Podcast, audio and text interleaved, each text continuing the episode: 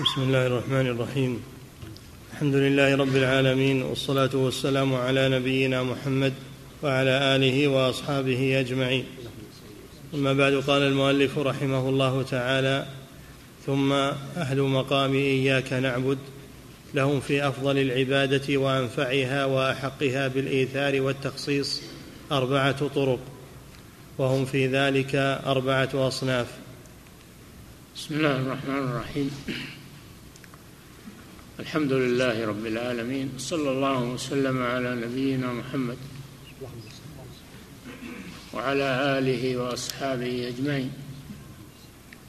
تقدم أن المؤلف رحمه الله ذكر أنه يشترط لقبول العمل عند الله شرطان الشرط الأول الإخلاص لله عز وجل الشرط الثاني المتابعة للرسول صلى الله عليه وسلم. ثم قال إن أهل إن أهل الإخلاص والمتابعة هم أهل إياك نعبد وإياك نستعين. هذه الآية من سورة الفاتحة. إياك نعبد. هذا فيه الإخلاص حيث قدم المعمول. وهو إياك على العامل وهو نعبد. يفيد الإخلاص. وهذا أبلغ من نعبدك. أبلغ من نعبدك. إياك نعبد. هذا فيه تخصيص وفيه إخلاص لله عز وجل. أي لا نعبد سواك. لا نعبد سواك. وإياك نستعين كذلك لا نستعين إلا بك. قال العلماء هذا عهد بين العبد وبين ربه أن لا يعبد إلا إياه ولا يستعين إلا به. فيجب على المسلم أن يلتزم بهذا العهد. الذي يكرره في كل ركعة من صلاته يخاطب به ربه عز وجل. وأهل إياك نعبد وإياك نستعين على أربعة أصناف. يذكرها المؤلف. نعم. ثم أهل مقام إياك نعبد لهم في أفضل العبادة وأنفعها وأحقها بالإيثار والتخصيص. أربعة طرق وهم في ذلك أربعة أصناف.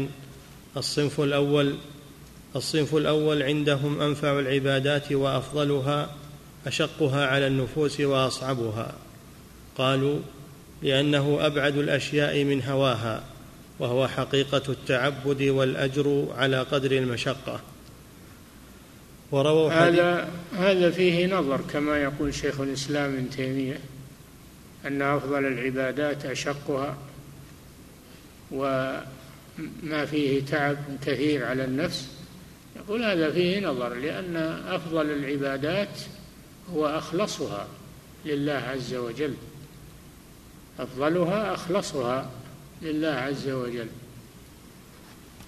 قد يكون العمل شاقا ومتعبا لكنه لا يقبله الله. كالذي يعمل بالبدع. أهل البدع عندهم عندهم تعب وعندهم مشقة. ما في شك. المتصوفة عندهم تعب وعندهم مشقة وعندهم تقشف وعندهم حرمان للنفوس لكنهم على غير هدى على غير متابعة. فالأجر إنما هو على قدر الإخلاص. قدر ما يخلص به العبد لربه عز وجل. نعم. ورووا حديثا يعني ليس له أصل. أعد الصنف الأول عند والمؤلف لا يقر هذا إنما يحكيه. إنما يحكيه. نعم. الصنف الأول عندهم أنفع العبادات وأفضلها أشقها على النفوس وأصعبها. وهذا يغلب على الصوفية. نعم. قالوا لأنه أبعد الأشياء من هواها وهو حقيقة التعبد والأجر على قدر المشقة. الأجر على قدر المشقة غير صحيح الأجر على قدر الإخلاص. قد يكون العمل شاقا ومكلفا لكن ليس فيه أجر أصلا لأنه على غير متابعة. نعم. ورووا حديثا ليس له أصل أفضل الأعمال أحمزها أي أصعبها وأشقها. رووا حديثا أهل هذا القول رووا حديثا ليس له أصل أي ليس صحيحا عن النبي صلى الله عليه وسلم بل ليس محفوظا عن النبي صلى الله عليه وسلم. نعم أفضل. ورووا حديثا ليس له أصل ليس له أصل. ليس له أصل في السنة. نعم. أفضل الأعمال أحمزها؟ أفضل الأعمال أحمزها. أي أفضل الأعمال أحمزها. بالزاية نعم. أي أصعبها وأشقها. أي أصعبها وأشقها. أخذوا من هذا أن أفضل الأعمال أشقها. وهذا الحديث ليس له أصل فهذا القول غير صحيح. نعم. وهؤلاء هم أرباب المجاهدات. والجور على النفوس. هم الصوفية نعم. قالوا وإنما تستقيم النفوس بذلك إذ طبعها الكسل والمهانة والإخلاد إلى الراحة فلا تستقيم إلا بركوب الأهوال وتحمل المشاق.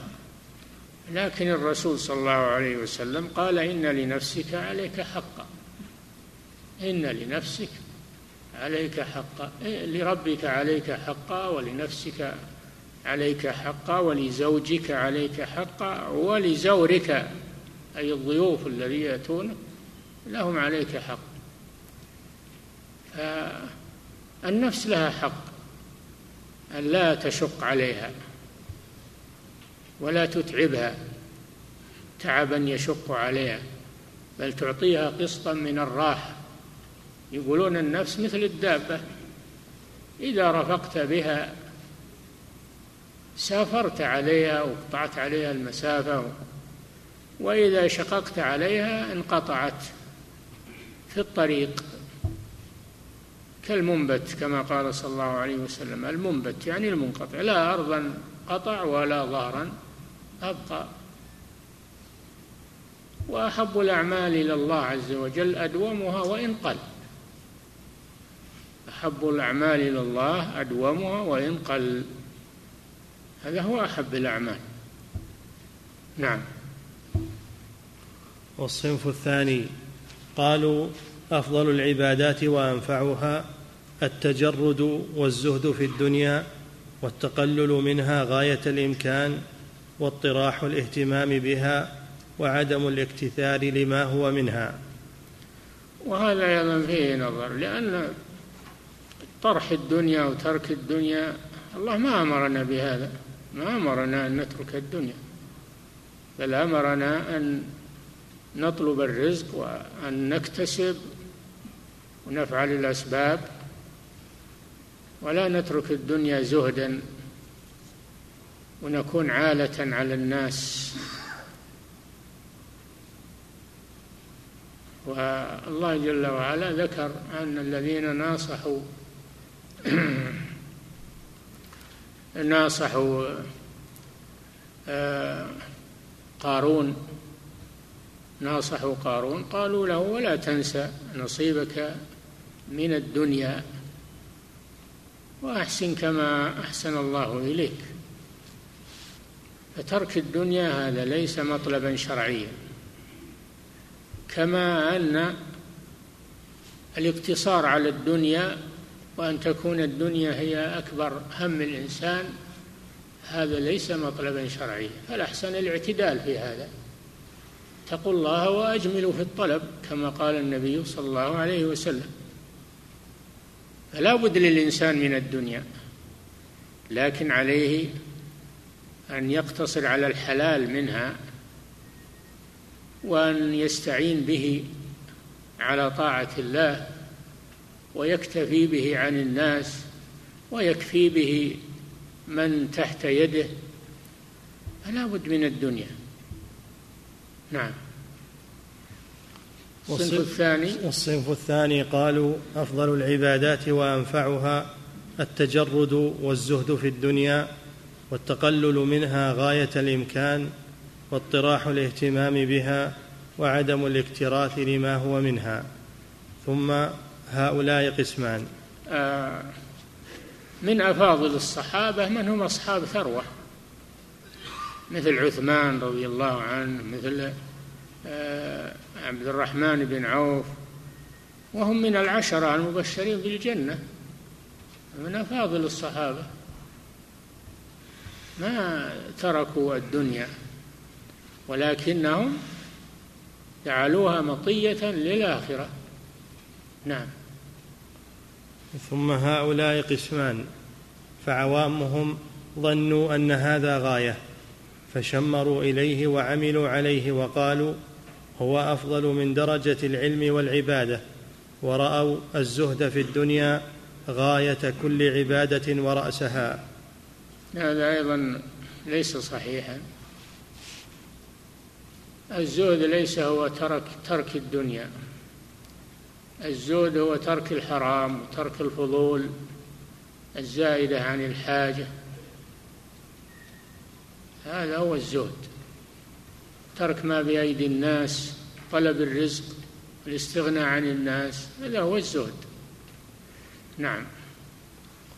وخواصهم رأوا هذا مقصودا لغيره وأن المقصود به عكوف القلب على الله تعالى والاستغراق في محبته والإنابة إليه والتوكل عليه والاشتغال بمرضاته فرأوا أفضل العبادات دوام ذكره بالقلب واللسان. ثم هذا صحيح يعني ملازمة ذكر الله عز وجل بالقلب واللسان. هذا صحيح لكن هذا لا يمنع لا يمنع من أن تطلب الرزق. وتستعين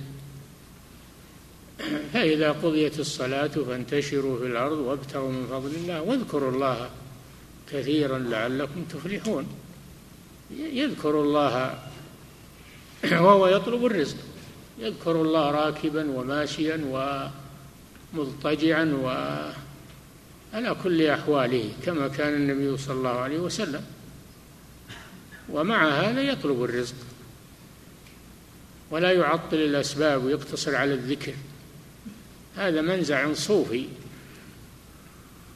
اللي يشتغلون بالذكر ويتركون طلب العلم حتى طلب العلم يتركونه.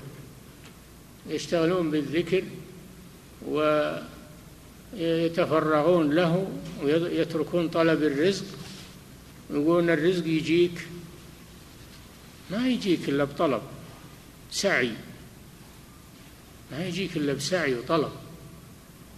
والله ما أمرك بهذا أنك تترك طلب الرزق تجلس تذكر الله أو تترك طلب العلم تترك حلق الذكر وتشتغل بالذكر.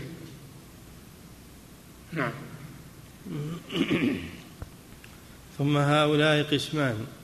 فالعارفون إذا جاء الأمر والنهي بادروا إليه ولو فرقهم. وأذهب جمعيتهم. والمنحرفون منهم يقولون المقصود من القلب جمعيته فإذا جاء ما يفرقه عن الله لم يلتفت إليه ويقولون يطالب بالأوراد من هو غافل فكيف بقلب كل أوقاته ورد؟ نعم هذا كله اصطلاحات صوفية. نعم. ثم ثم هؤلاء أيضا قسمان منهم من يترك الواجبات والفرائض لجمعيته ومنهم من يقوم بها ويترك السنن والنوافل وتعلم العلم النافع لجمعيته والحق أن الجمعية حظ القلب وإجابة داعي الله حق الرب فمن نعم. آثر حق نعم. نفسه كل هذه مصطلحات صوفيه ثم المؤلف بين قال والحق نعم. والحق أن الجمعية حظ القلب وإجابة داعي الله حقه. جمعية يعني اقتصار اقتصار القلب نعم. أن الجمعية حظ القلب وإجابة داع الله حق الرب فمن آثر حق نفسه على حق ربه فليس من العبادة في شيء. نعم. الصنف الثالث. نعم.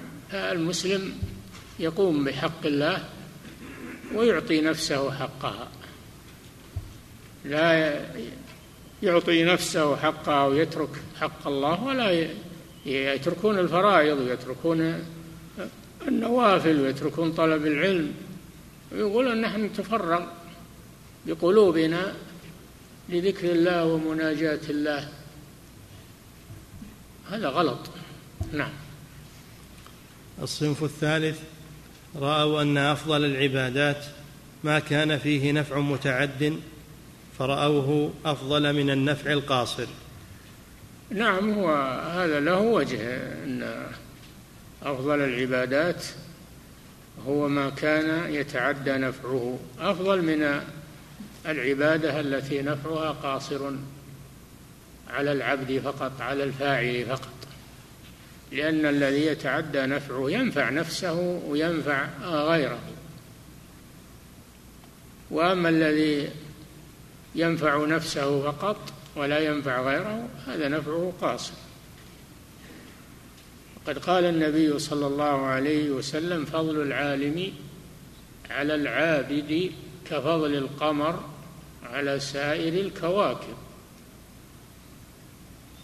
فالعابد مثل الكوكب يضيء لنفسه فقط ولا يضيء للناس والمسافرين. أما القمر فإنه يضيء لنفسه ويضيء للناس فهو أنفع. كذلك العالم ينفع نفسه وينفع الناس. العابد إنما ينفع نفسه فقط. نعم. فالنفع المتعدي العمل الذي فيه نفع متعدي أفضل من العمل القاصر على صاحبه. نعم. الصنف الثالث رأوا أن أفضل العبادات ما كان فيه نفع متعد فرأوا أفضل فرأوه أفضل من النفع القاصر. القاصر على صاحبه نعم. فرأوا خدمة الفقراء والاشتغال بمصالح الناس وقضاء حوائجهم ومساعدتهم بالجاه والمال والنفع أفضل لقوله صلى الله عليه وسلم.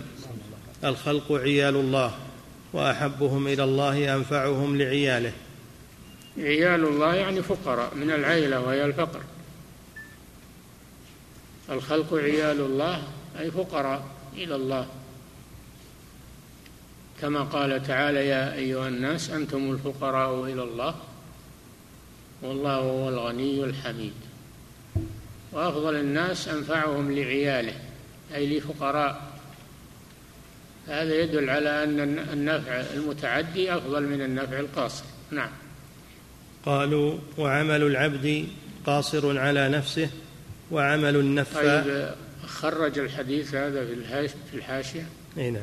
نعم وش يقول؟ يقول رواه البزار في كشف الأستار وأبو يعلى في المسند وغيرهم من حديث أنس بن مالك وفي إسناده يوسف بن عطية الصفار. نعم. قال, قال الذهبي في الميزان مجمع على ضعفه وعد هذا الحديث من مناكيره. نعم. ورواه الطبراني في الكبير وغيره من حديث ابن مسعود. قال الهيثمي في المجمع رواه الطبراني في الكبير والأوسط وفيه عمير وهو أبو هارون القرشي متروك. نعم. على كل حال معناه معروف معنى الحديث معروف. أما سنده هذا يحتاج إلى إلى بحث. ونحن في غنى عنه. نعم النفع المتعدي أفضل من النفع القاصر. هذا له أدلة غير هذا الحديث. نعم. قالوا وعمل العبد قاصر على نفسه وعمل النفاع متعد إلى الغير فأين أحدهما من الآخر؟ أي الإنسان الذي يصلي الليل ويصوم النهار ويجلس للأذكار من العالم الذي يعلم الناس ويدعوهم ويفتيهم و ويفصل بينهم إذا اختلفوا. ما, ما, ما بينهم مقارنة. هذا أفضل. نعم. ولهذا كان فضل العالم على العابد كفضل القمر ليلة البدر على سائر الكواكب. هذا حديث. هذا يغني عن أنفعهم لعياله. فضل العالم على العابد كفضل القمر. على سائر الكواكب. ناحية أن الكوكب لا يضيء للناس ولا ينفعهم إنما ينفعهم بالاقتداء والاهتداء في السفر فقط لكن لا يضيء لهم الطريق. خلاف القمر فإنه يضيء لهم الطريق وينتفعون به. نعم. وقد قال النبي صلى الله عليه وسلم لعلي رضي الله عنه لأن يهدي الله بك رجلا واحدا خير لك من حمر النعم. نعم وهذا النفع في الدعوة. قال النبي صلى الله عليه وسلم لعلي بن أبي طالب وذلك لما أعطاه الراية يوم خيبر قال له انفذ على رسلك حتى تنزل بساحتهم ثم ادعوهم إلى الإسلام وأخبرهم بما يجب عليهم من حق الله تعالى فيه فوالله لا يهدي الله بك رجلا واحدا خير لك من حمر النعم. رجل واحد كيف إذا اهتدى به أمم من الناس وأجيال؟ قد قال صلى الله عليه وسلم من دعا إلى هدى كان له من الأجر مثل أجور من تبعه. لا ينقص ذلك من أجورهم شيئا. نعم. والدعوة إلى الله من النفع المتعدي. نعم. وقال صلى الله عليه وسلم من دعا إلى هدى كان له من الأجر مثل أجر من تبعه من غير أن ينقص من أجورهم شيئا. نعم. وقال صلى الله عليه وسلم إن الله وملائكته يصلون على معلمي الخير. إن الله وملائكته يصلون. الصلاة من الله ثناؤه على عبده في الملأ الأعلى. والملائكة صلاة الملائكة الاستغفار. وصلاة الآدميين الدعاء. صل عليهم أي ادعو لهم. نعم. وقال صلى الله عليه وسلم إن العالم ليستغفر له من في السماوات ومن في الأرض حتى الحيتان في البحر والنملة في جحرها. هذه أجزاء من حديث من حديث أبي الدرداء. قد شرحه الإمام ابن شرحه آه، الإمام ابن رجب في رسالة مستقلة. شرح حديث أبي الدرداء. من سلك طريقا يلتمس به علما شرحا وافيا برسالة مستقلة مفيدة جدا. نعم. قالوا وصاحب العبادة إذا مات انقطع عمله. صاحب نعم العالم.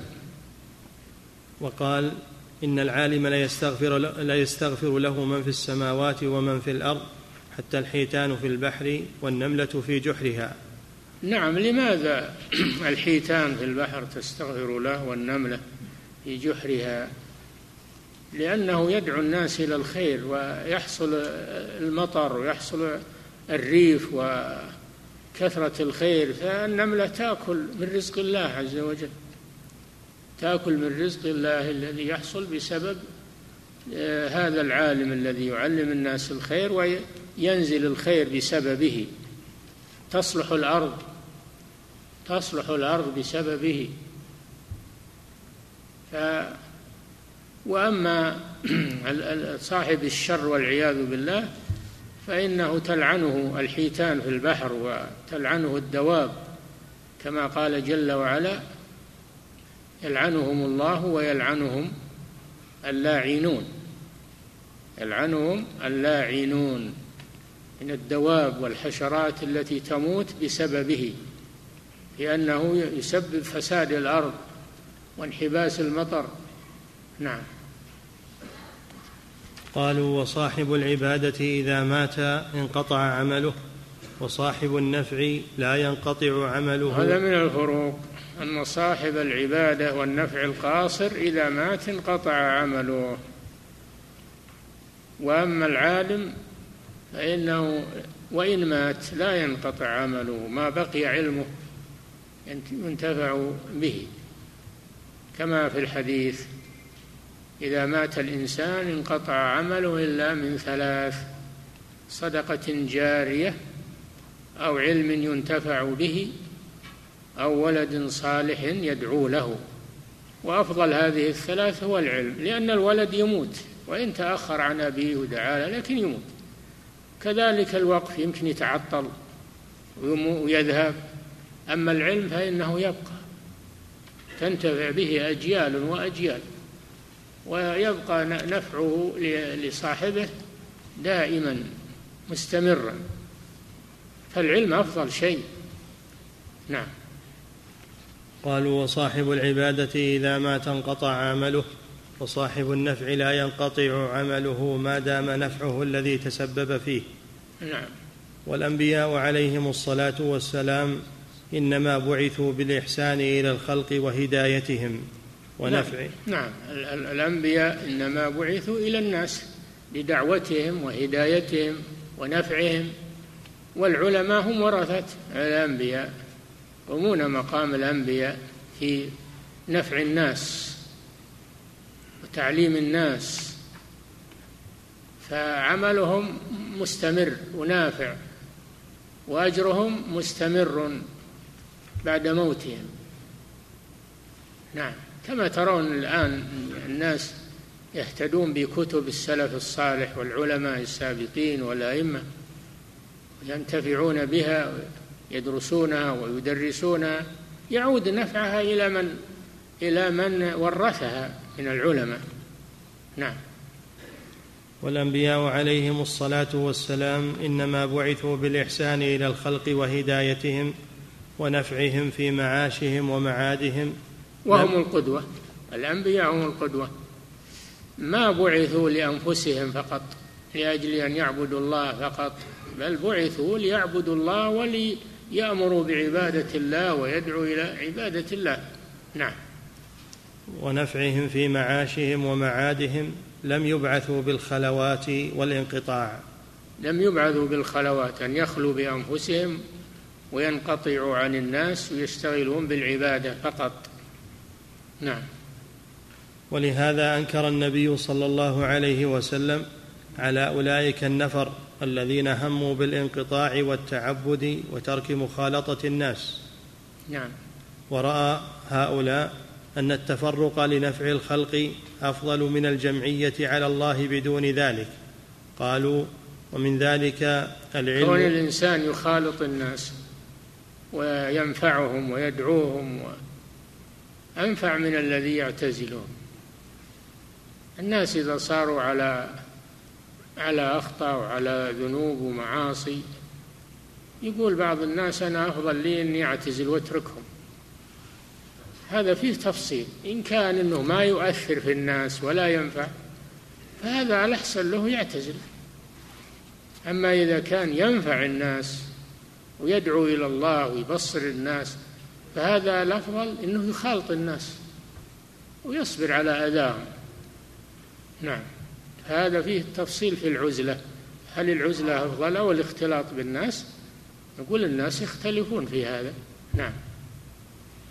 وراى هؤلاء أن التفرق لنفع الخلق أفضل من الجمعية على الله بدون ذلك قالوا ومن ذلك العلم والتعليم ونحو هذه الأمور الفاضلة. هؤلاء الصنف اللي يقولون إن الأفضل العمل هو ما كان نفعه متعديا. وهذا صحيح. هذا صحيح واضح. نعم. الصنف الرابع قالوا أفضل العبادة العمل على مرضاة الرب سبحانه واشتغال كل وقت بما هو مقتضى ذلك الوقت ووظيفته. فأفضل العبادات في وقت الجهاد الجهاد. وإن آل إلى ترك الأوراد من صلاة الليل وصيام النهار بل من ترك إتمام صلاة الفرض كما في حالة الأمن. نعم. والأفضل في وقت حضور الضيف القيام بحقه والاشتغال به. والأفضل في أوقات السحر الاشتغال بالصلاة والقرآن والذكر والدعاء. والأفضل في وقت الأذان ترك ما هو فيه من الأوراد والاشتغال بإجابة المؤذن.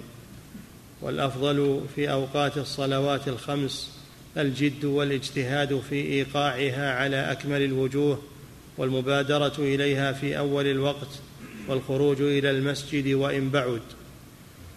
نعم أفضل الأعمال على هذا القول هو أن تؤدى كل عبادة في وقتها المحدد لها. فإذا كان الوقت وقت جهاد في سبيل الله فأفضل الأعمال الجهاد في سبيل الله.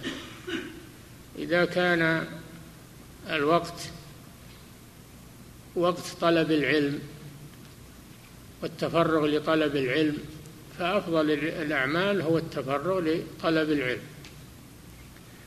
وهذا يتعدى إلى العبادات المؤقتة والموظفة ما يسمونه موظف يعني مؤقت. كل عبادة في وقتها أفضل من العبادة المطلقة. فمثلا عند ما بين الإقامة وما بين الأذان والإقامة الاشتغال بالدعاء أفضل من تلاوة القرآن. لأن الدعاء لا يرد بين الأذان والإقامة. والقرآن تلاوة القرآن لا تفوت لها وقت مطلق تقرأه في أي وقت. لكن هذا الذكر إذا فات وقته فاتت فضيلته. فالعبادة المؤقتة في وقتها أفضل من العبادة المطلقة. نعم مثلا. نعم. والأفضل في أوقات ضرورة المحتاج المبادرة إلى مساعدته بالجاه والمال والبدن. نعم وكذلك وقت الحاجة والفقر. أفضل الأعمال أنك تساعد المحتاج. نعم. والأفضل في السفر. قال تعالى فلا اقتحم العقبة وما أدراك ما العقبة فك رقبة أو إطعام في يوم ذي مسغبة يتيما لا مقربة أو مسكينا لا مكربة في يوم ذي مسغبة يعني جوع. تصدق بوقت الرخاء ووقت هذا طيب لكن ما هو مثل التصدق في وقت الجوع وقت الحاجة. نعم. والأفضل في السفر مساعدة المحتاج وإعانة الرفقة وإيثار ذلك على الأوراد والخلوة. نعم كون المسافر يخدم زملاءه وإخوانه.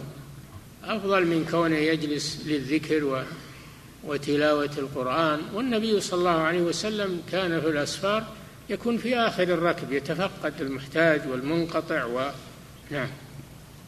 والأفضل في وقت قراءة القرآن جمعية القلب والهمة على تدبره والعزم على تنفيذ أوامره أعظم من جمعية قلب من جاءه كتاب من جاءه كتاب من السلطان على ذلك. نعم. والأفضل في وقت الوقوف بعرفة الاجتهاد في التضرع والدعاء والذكر. نعم أفضل من الصلاة صلاة النافلة. في يوم عرفة الدعاء الجلوس للدعاء أو الوقوف للدعاء أفضل من صلاة النافلة. في هذا اليوم. قال صلى الله عليه وسلم خير الدعاء دعاء عرفة. تشتغل بالدعاء. تؤدي الفرائض لكن في غير وقت الفرائض تشتغل بالدعاء. هذا أفضل من الجلوس للذكر والاستغفار و... نعم. والأفضل في أيام عشر ذي الحجة الإكثار من التعبد لا سيما التكبير والتهليل والتحميد. وهو أفضل من الجهاد غير المتعين. لأن الرسول صلى الله عليه وسلم قال ما من أيام العمل خير وأحب إلى الله من هذه الأيام العشر قالوا ولا الجهاد في سبيل الله قال ولا الجهاد في سبيل الله لأن هذا مثل على القاعدة هذا ذكر مؤقت عمل مؤقت يفوت بفوات وقته والجهاد لا يفوت. الجهاد لا يفوت بفوات العشر. نعم. والأفضل في العشر الأواخر من رمضان لزوم المساجد والخلوة فيها مع الاعتكاف والإعراض عن مخالطة الناس والإعراض عن مخالطة الناس والاشتغال بهم حتى إنه أفضل من الإقبال على تعليمهم العلم وإقرائهم القرآن عند كثير من العلماء. وهذا الذي يحصل من الرسول صلى الله عليه وسلم في العشر مع أنه كان في في في كل أعماله كان في جهاد وكان في تعليم وكان في دعوة وكان في قضاء حوائج الناس وكان في العشر يعتكف وينفرد عن الناس وينعزل عن الناس في مكان خاص ينعزل. لذكر الله وعبادته ومناجاته لأنها العشر تفوت. أما تعليم الناس والأمور الأخرى من الأعمال الصالحة هذه لا تفوت. فمبادرة الأوقات قبل فواتها أحسن من التفريط فيها والانشغال بعمل غير خاص بها. نعم. والأفضل في وقت مرض أخيك المسلم أو موته عيادته وحضور جنازته وتشييعه وتقديم ذلك على خلوتك وجمعيتك. نعم كونك إذا مرض مسلم واحتاج إليك احتاج إلى حضورك واحتاج إلى مساعدتك هذا أفضل أنك تقعد في المسجد. للذكر وتلاوة القرآن وصلاة النوافل. نعم. والأفضل في وقت نزول النوازل وأذى الناس لك أداء واجب الصبر مع خلطتك لهم والمؤمن الذي يخالط الناس ويصبر على أذاهم أفضل من المؤمن الذي لا يخالط الناس ولا يصبر على أذاهم. هذا كما سبق أن العزلة فيها تفصيل. إن كان في اختلاطك للناس نفع لهم وأمر بالمعروف ونهي عن منكر وتعليم دعوة فخلطتك لهم أفضل. وإن كان إنه ما يحصل منك شيء من هذا فعزلتك أفضل لك. نعم. وخلطتهم في الخير أفضل من عزلتهم فيه وعزلتهم في الشر خير من خلطتهم فيه. فإذا قال أمير المؤمنين عثمان رضي الله عنه إذا أحسن الناس فأحسن معهم وإذا أساءوا فاعتزل إساءتهم. نعم. فإن علم أنه إذا خالطهم أزاله وقلله فخلطتهم خير من اعتزالهم. نعم. وهؤلاء هم أهل التعبد المطلق. نعم. والأصناف التي قبلهم أهل التعبد المقيد. فمتى خرج أحدهم عن الفرع الذي تعلق به من العبادة وفارقه يرى نفسه كأنه قد نقص ونزل عن عبادته فهو يعبد الله على وجه واحد وصاحب التعبد المطلق ليس له غرض في تعبد بعينه يؤثره على غيره بل غرضه تتبع مرضاة الله تعالى. إن رأيت العلماء رأيته معهم كذلك في الذاكرين والمتصدقين وأرباب الجمعية وعكوف القلب على الله فهذا هو الغذاء الجامع للسائر إلى الله في كل طريق والوافد عليه مع كل فريق. قال تعالى يا أيها الذين آمنوا اتقوا الله وكونوا مع الصادقين. فتكون مع الصادقين مع أهل العلم مع مع أهل العبادة مع أهل الجهاد في سبيل الله مع المتصدقين والمنفقين. تساهم تساهم في كل سبيل من سبل الخير ما استطعت. لا تقتصر على نوع واحد. نعم. وأستحضر هنا حديث أبي بكر الصديق رضي الله عنه وقول النبي صلى الله عليه وسلم بحضوره هل منكم أحد أطعم اليوم مسكينا؟ قال أبو بكر أنا. قال هل منكم أحد أصبح اليوم صائما؟ قال أبو بكر أنا. قال هل منكم أحد عاد اليوم مريضا؟ قال أبو بكر أنا. قال هل منكم أحد تبع اليوم جنازة؟ قال أبو بكر أنا. الحديث. نعم. فأبو بكر شارك في كل هذه المجالات. شارك في كل هذه المجالات فالمسلم يشارك في أعمال الخير ولا يقتصر على نوع واحد. نعم. هذا الحديث روي من طريق عبد الغني بن أبي عقيل قال حدثنا يغنم بن سالم عن أنس بن مالك رضي الله عنه قال كان رسول الله صلى الله عليه وسلم جالسا في جماعة من أصحابه فقال من صام اليوم؟ فقال أبو بكر أنا. قال من تصدق اليوم؟ قال أبو بكر أنا. قال من عاد اليوم مريضا؟ قال أبو بكر أنا. قال فمن شهد اليوم جنازة؟ قال أبو بكر أنا. قال وجبت لك يعني الجنة. ويغنم ابن سالم وإن تكلم فيه لكن تابعه سلم تابعه سلمة ابن وردان. وله أصل صحيح من حديث مالك عن محمد بن شهاب عن حميد بن عبد الرحمن بن عوف عن أبي هريرة رضي الله عنه أن رسول الله صلى الله عليه وسلم قال من أنفق زوجين في سبيل الله نودي في الجنة يا عبد الله هذا خير ومن كان من أهل الصلاة نودي من باب الصلاة ومن كان من أهل الجهاد نودي من باب الجهاد ومن كان من أهل الصدقة دعي من باب الصدقة. ومن كان من أهل الصيام دعي من باب الريان. فقال أبو بكر رضي الله عنه يا رسول الله ما على من يدعى من هذه الأبواب ضرورة؟ فهل يدعى أحد من هذه الأبواب كلها؟ قال نعم وأرجو أن تكون منهم. نعم هذا أبو بكر الصديق رضي الله عنه. ولذلك نال هذه المرتبة العظيمة أفضل الأمة أبو بكر الصديق. ولذلك لقب بالصديق لكثرة صدقه رضي الله عنه. صدقه مع الله وصدقه مع الخلق. نعم. هكذا رواه عن مالك موصولا مسندا يحيى بن يحيى ومعن بن عيسى وعبد الله بن المبارك. ورواه يحيى بن بكير وعبد الله بن يوسف عن مالك عن أبي شهي عن أبي شهاب عن حميد مرسلا وليس هو عند القعنبي مرسلا ولا مسندا. ومعنى قوله صلى الله عليه وسلم من أنفق زوجين يعني شيئين من نوع واحد نحو درهمين أو دينارين أو فرسين أو قميصين وكذلك من صلى ركعتين أو من مشى في سبيل الله تعالى خطوتين أو صام يومين ونحو ذلك.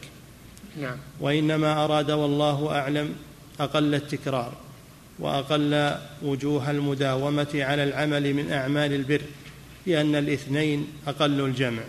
نعم. فهذا كالغيث أينما وقع نفع. صحب الله بلا خلق وصحب الخلق بلا بلا نفس.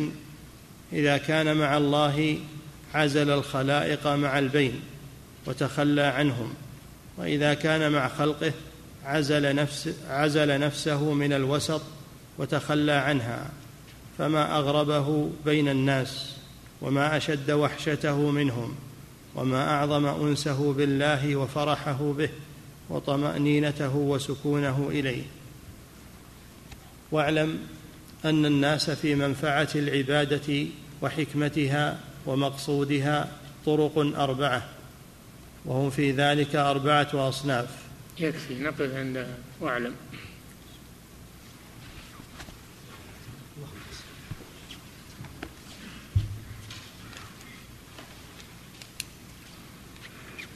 يقول فضيلة الشيخ وفقكم الله قلنا إن الأجر على قدر الإخلاص فهل إذا قل الإخلاص يكون هناك أجر؟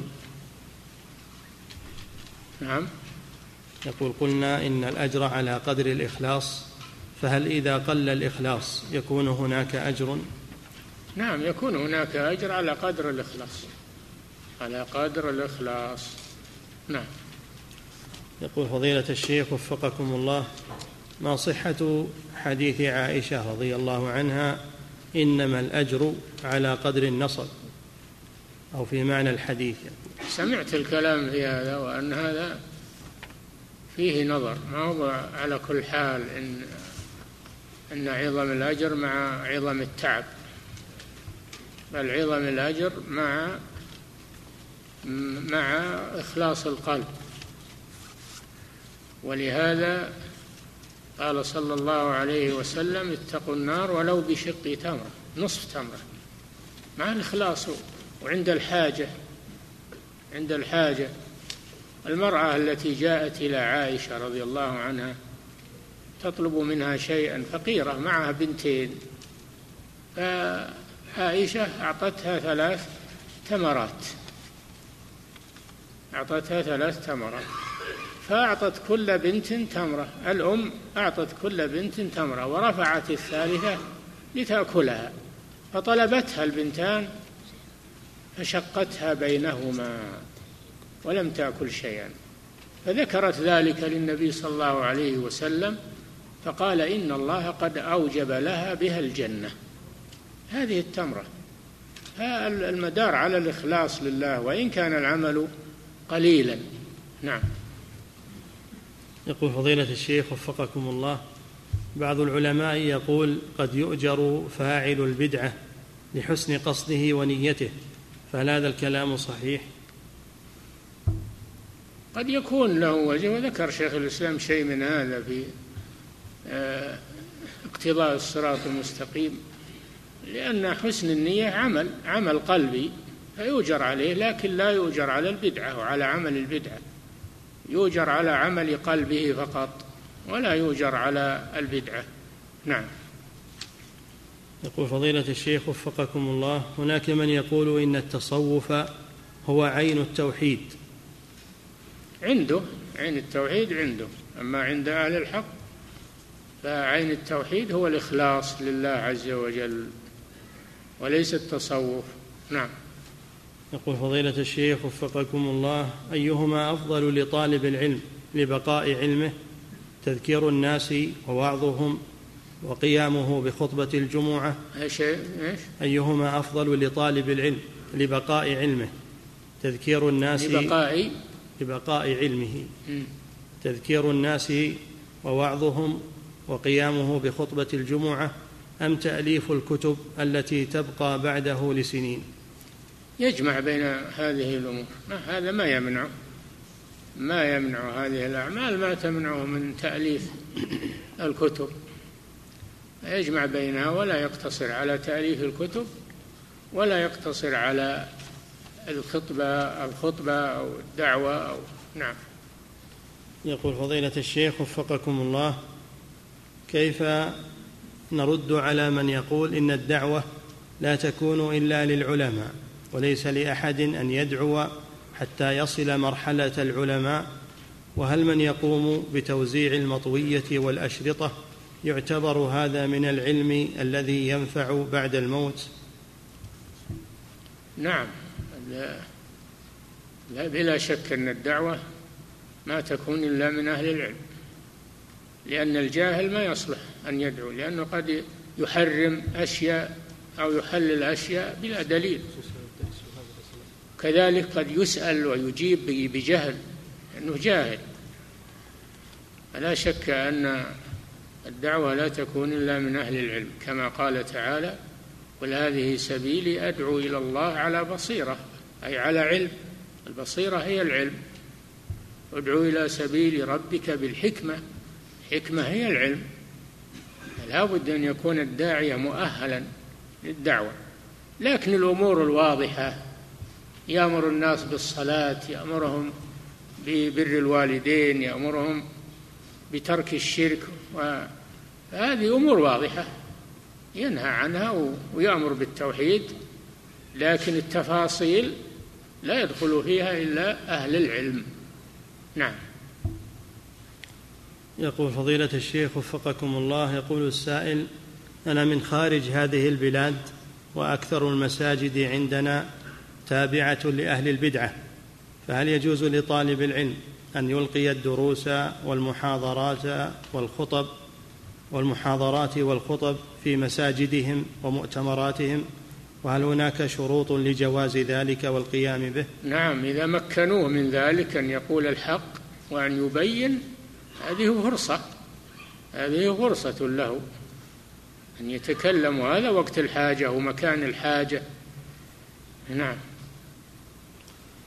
يقول فضيلة الشيخ وفقكم الله يقول نزلنا منزلا فقالت امرأة لوالدتي لا بد من ذبح ذبيحة تكون دافعة للبلاء فما حكم ذلك؟ لا ما يجوز هذا. هذا ما يجوز. الذبح لأجل دفع شر الجن أو دفع العين أو ما أشبه ذلك هذا عقيدة فاسدة. لا يجوز هذا العمل. نعم.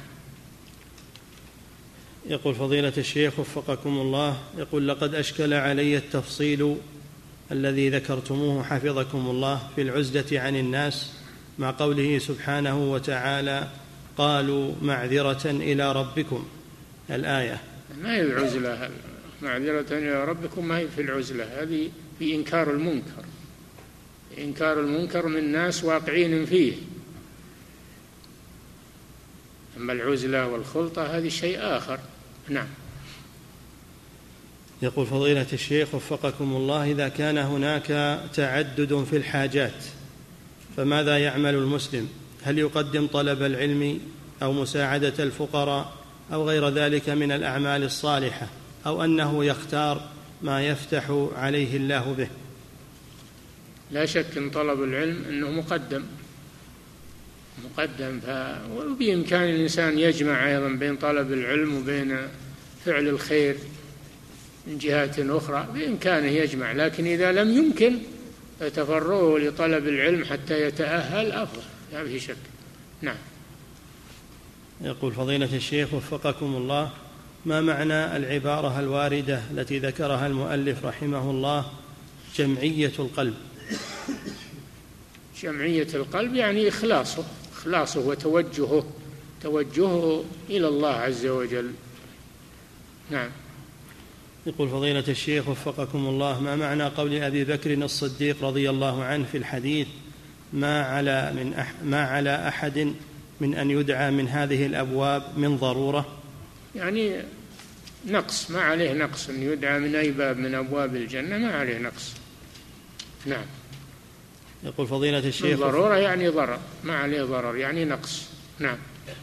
يقول فضيلة الشيخ وفقكم الله الأصناف الأربعة التي ذكرها المؤلف رحمه الله ما أصوبها وأصحها. الذي ذكره الأخير الذي يتعدى نفعه. أفضل الأعمال ما يتعدى نفعه. وهذا جامع للعلم والجهاد والصدقات. جامع تعدى نفعه. نعم. يقول فضيلة الشيخ وفقكم الله إذا ورد حديث ضعيف فيه عمل إذا ورد حديث ضعيف فيه عمل من السنة أن هذا من السنة فعمله رجل بنية اتباع السنة فهل له من أجر؟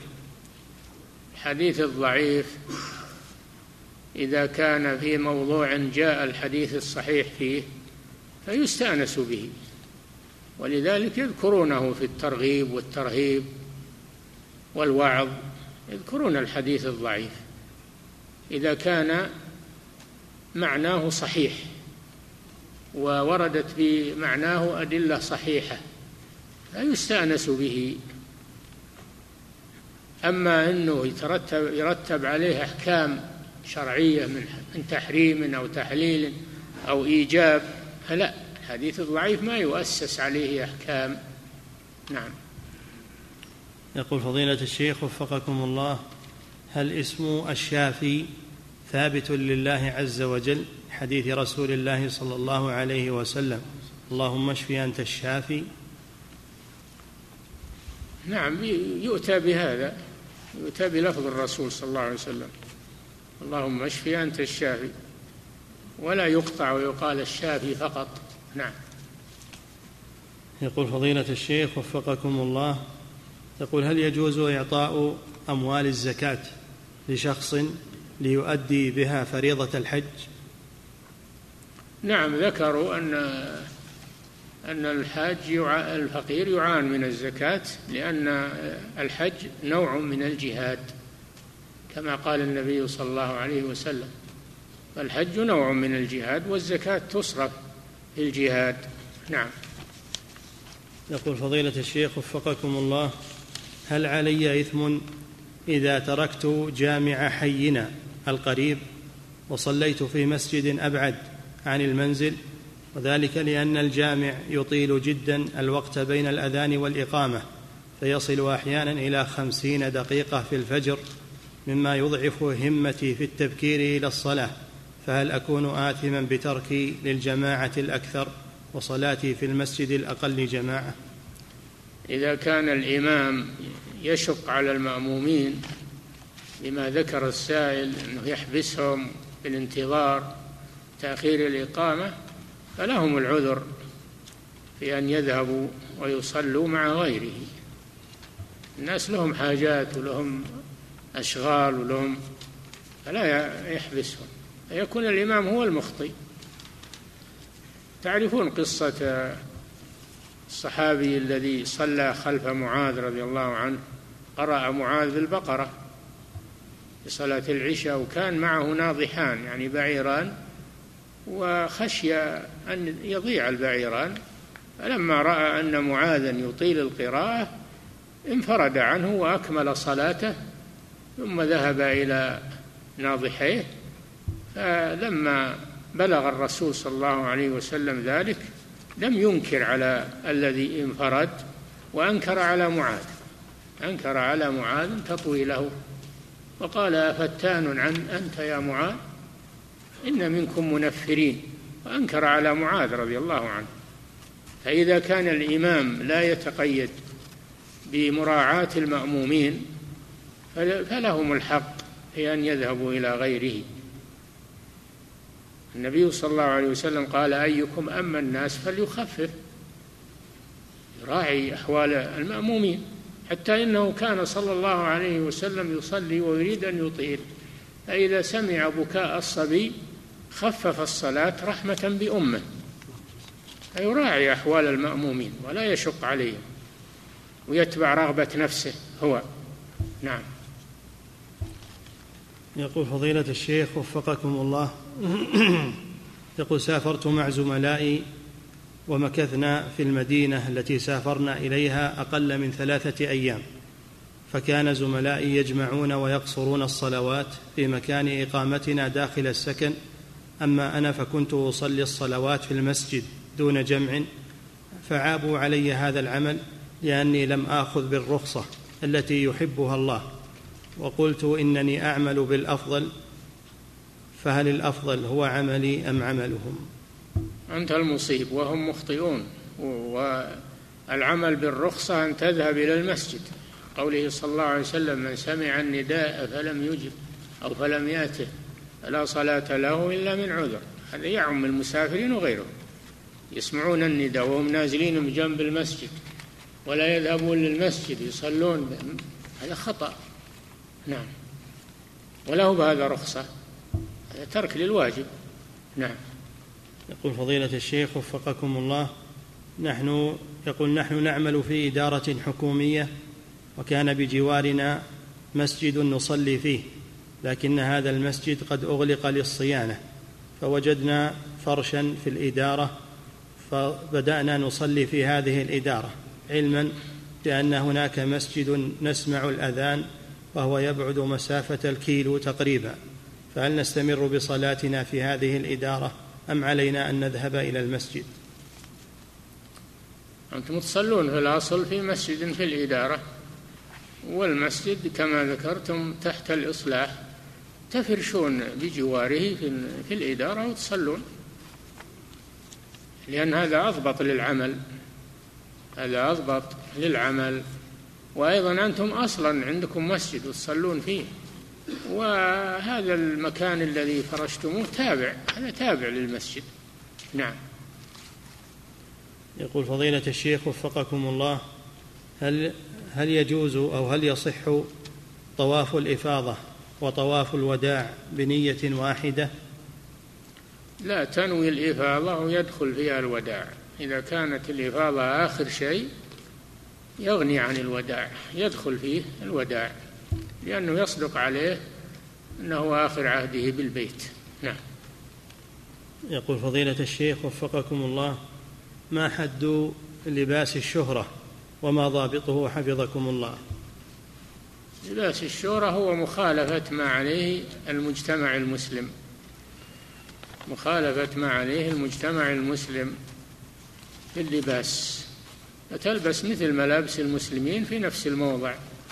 ولا تلبس لباسا خارجا عنهم يصير عندهم إشكال فيك ونظر إليك أو ربما سوء ظن فيك. نعم. يقول فضيلة الشيخ ما داموا يلبسون لباسا موافقا للسنة فلماذا تخالفهم أنت؟ نعم.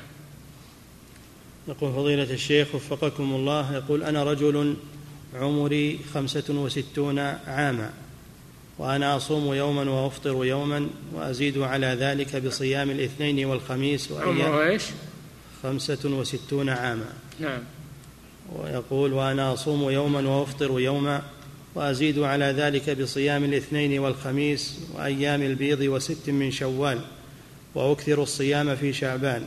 علما بأن عندي مقدرة على الصوم. سؤاله هل فعلي هذا موافق للسنة أم لا؟ وفقكم الله. نعم خير الصيام كما قال النبي صلى الله عليه وسلم صيام داود. كان يصوم يوما ويفطر يوما. وهذا يكفي عن صيام الاثنين والخميس وثلاثة أيام من كل شهر. تدخل فيه تدخل في هذا الصوم في صيام داود عليه السلام. نعم. فضيلة الشيخ وفقكم الله هذه امرأة تقول تقول نذرت أن أصوم شهرا كاملا. لو نجحت في الدراسة. فلما نجحت شق علي الأمر. سؤالها هل تستطيع أن تصوم أياما متفرقة أو أن تعوض بعبادة أخرى؟ لا بد أن تنفذ النذر. إذا نذرت صوم أيام أو شهر معين متتابع يجب عليها التتابع. ولا تبرأ ذمتها إلا بذلك. هذا وفى بالنذر. نذر طاعة. من نذر أن يطيع الله فليطيعه. تصبر على المشقة. نعم. يقول فضيلة الشيخ وفقكم الله هل القيء طاهر أم نجس؟ نعم. هل القيء؟ القيء نجس لأنه خارج من المعدة فهو نجس. ما خرج من المعدة فهو نجس. نعم.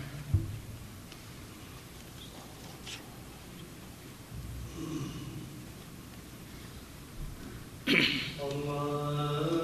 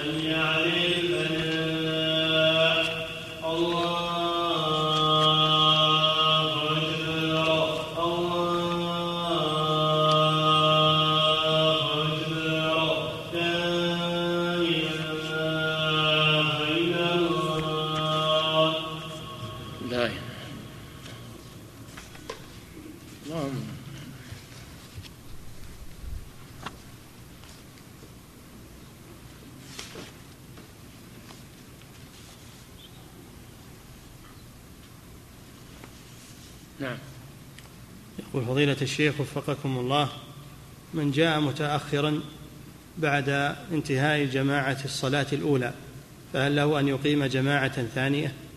نعم. لا بد من إقامة جماعة ثانية. إذا اجتمعوا بعد فراغ الصلاة فلا بد أن يقيموا جماعة ثانية ولا يصلون متفرقين. نعم.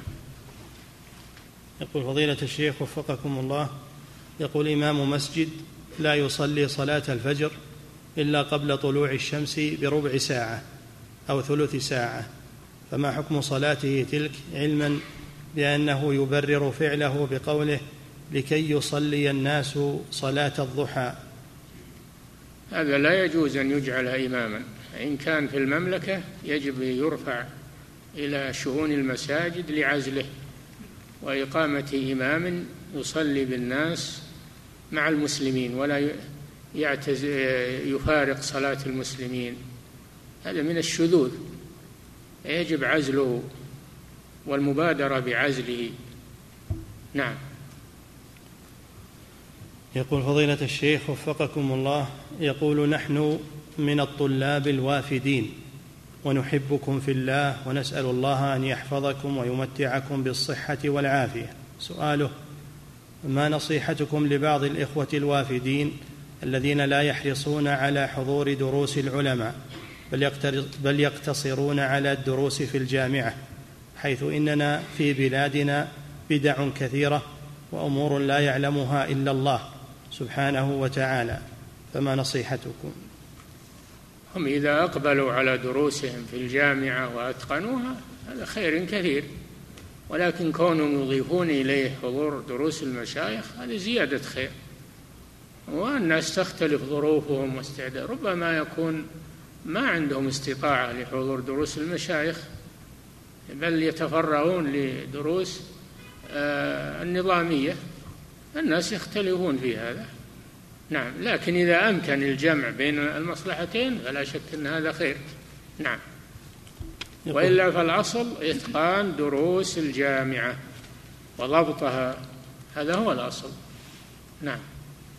يقول فضيلة الشيخ وفقكم الله إذا فاتتني السنة الراتبة التي قبل الصلاة فهل لي أن أقضيها بعد الصلاة؟ النبي صلى الله عليه وسلم قضى راتبة الظهر التي بعدها قضاها بعد العصر. فإذا صليتها فلا مانع لأن الوقت ما هو وقت نهي. بعد الظهر ما هو وقت نهي فلا مانع. طيب هذا نعم.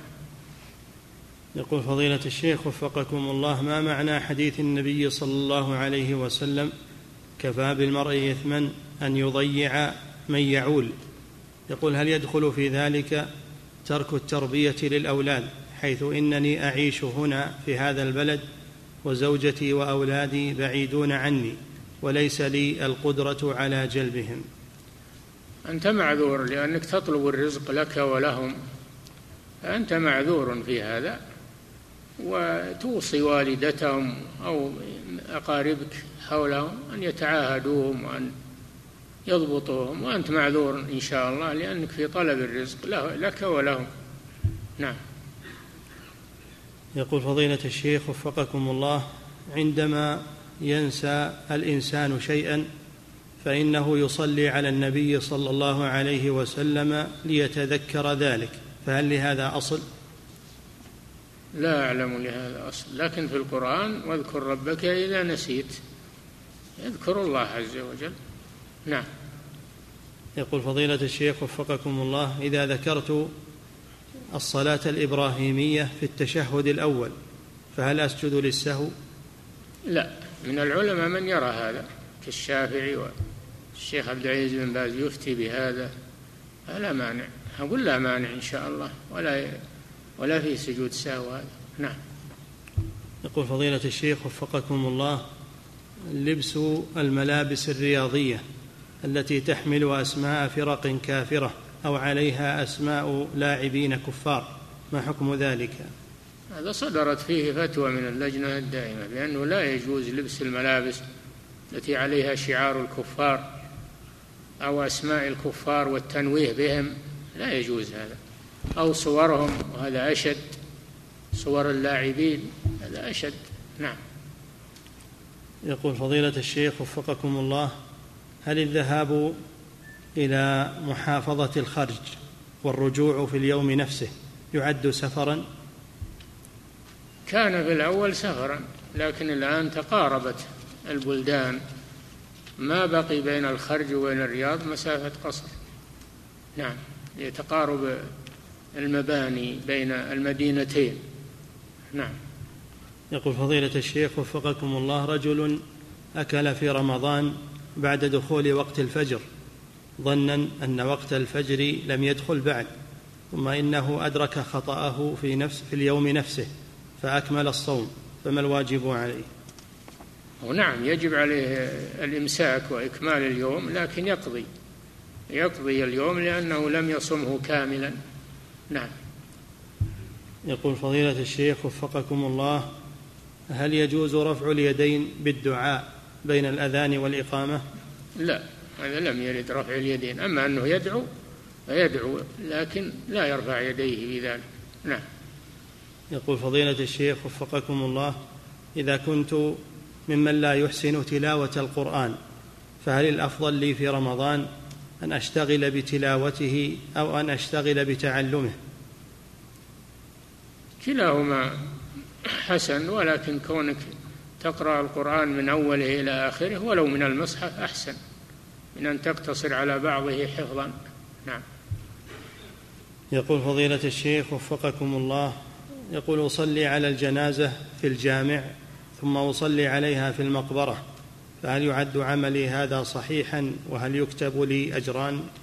لا ما ورد أنه تكرر صلاة الصلاة على الجنازة إنما الذي لم يصلي عليها في المسجد يصلي عليها في المقبرة. أما الذي صلى عليها في المسجد يكفي ولا تكرر. نعم.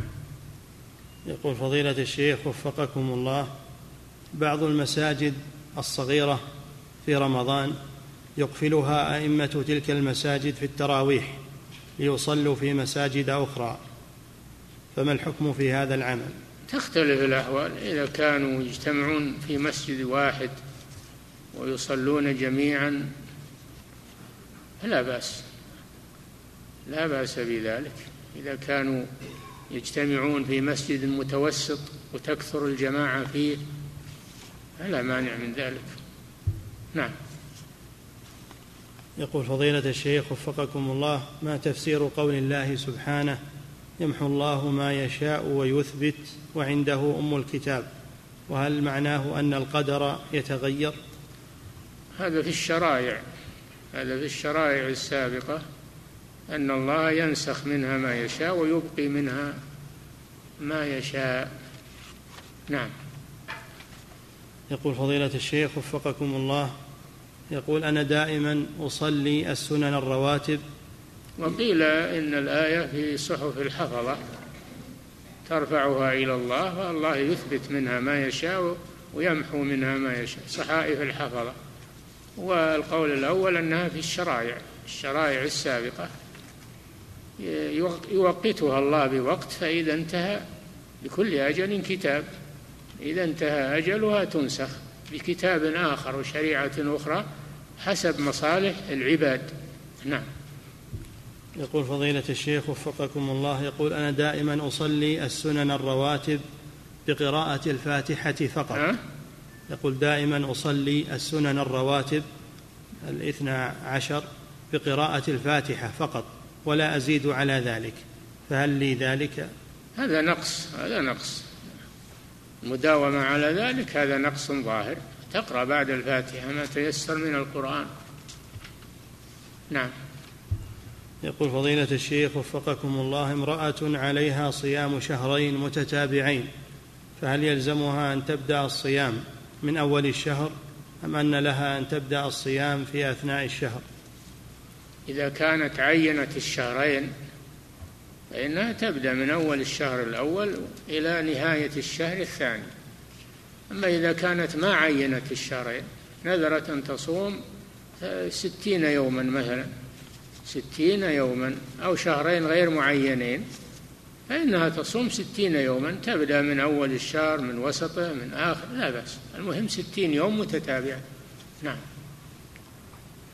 يقول فضيلة الشيخ وفقكم الله رجل آتاه الله علما وخيرا كثيرا. ها؟ رجل آتاه الله علما وخيرا كثيرا وهو في بلاده عنده طلبة علم كثيرون ومعهد خاص لطلب العلم في ذاك البلاد. يقول وهو الآن يريد السفر إلى هنا هذه البلاد المباركة ليستزيد من العلم عند العلماء الأكابر. السؤال بماذا تنصحونه؟ حفظكم الله. والله إن كان بقاؤه مع طلابه وفي بلده أفود فيبقى. وبإمكانه أن يتزود من العلم بأي وسيلة بالسؤال بقراءة الكتب أما إذا كان مجيئه للتزود من العلم أفضل فيأتي. نعم. يقول فضيلة الشيخ وفقكم الله يقول إذا وصل المعتمر إلى جبل المروة في نهاية السعي فهل يجب عليه أن يقف على الجبل وأن يدعو أو, أو له أن ينصرف مباشرة بدون أن يقف للدعاء؟ الواجب استيعاب ما بين الصفا والمروة ولو لم يصعد عليهما. الصعود على الصفا والمروة سنة. وأما استيعاب ما بينهما فهذا واجب لا بد منه. ونعم يختم بمثل ما بدأ به يختم بالدعاء مثل ما بدأ به. نعم. يقول فضيلة الشيخ وفقكم الله هل الأفضل في العشر الأواخر من رمضان؟ الاعتكاف أم خدمة المعتكفين الذين يحتاجون إلى خدمته؟ بإمكانه أنه يجمع بينهما يعتكف ويخدم وقت الخدمة يخدم المعتكفين يجمع بينهما. ولا بد من التنبيه أنه الآن حدث ما يسمونه بالاعتكاف الجماعي. يجتمعون في مسجد واحد وينامون ويسولفون ويروح الوقت وهم في ضحك وسواليف ويقولون هذا. هذا ما المعتكف يخلو يخلو بربه. كان النبي صلى الله عليه وسلم يخلو. كان يعمل له آه، يعمل له قبة في المسجد أو حصير يخلو. ما المعتكف ينفرد ما يجتمع مع الآخرين. تفرغ لعبادة الله عز وجل. نعم. يقول فضيلة الشيخ وفقكم الله ورد في قوله صلى الله عليه وسلم من تبع جنازة وفي رواية أخرى من شهد منكم. فهل مجرد الصلاة على الميت يدخل في ذاك الفضل أم لا بد من اتباع الجنازة حتى تدفن؟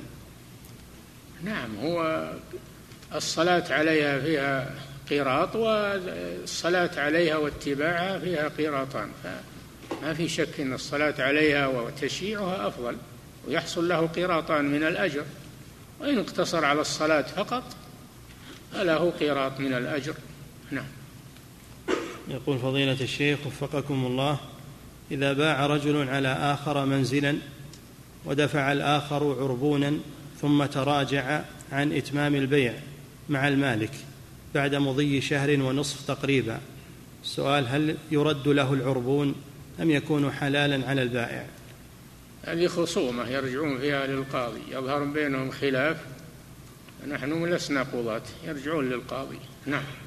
يقول فضيلة الشيخ وفقكم الله هل يجوز للزوج أن يقدم طلب العلم على هل يجوز للزوج أن يقدم طلب العلم على على طلب الكسب لأسرته وأهله؟ طلب العلم منه شيء ضروري لا بد منه وهو ما لا يستقيم دينه إلا به. التوحيد والصلاة والصيام الزكاة والحج. هذا يطلب فرض فرض عين على كل مسلم. أما ما زاد عن ذلك فهو فرض كفاية. إذا تيسر له يطلبه وإذا ما تيسر يطلب الرزق. الحمد لله. نعم. يقول فضيلة الشيخ وفقكم الله رجل كان مسبوقا بركعة وزاد الإمام ركعة فهل يعتد بهذه الركعة الزائدة ويحتسبها من صلاته؟ لا هذه ليست صلاة. الركعة الزائدة ليست من الصلاة. لذلك تسمى زائدة فلا يعتد بها. نعم. انتهى. الله تعالى أعلم وصلى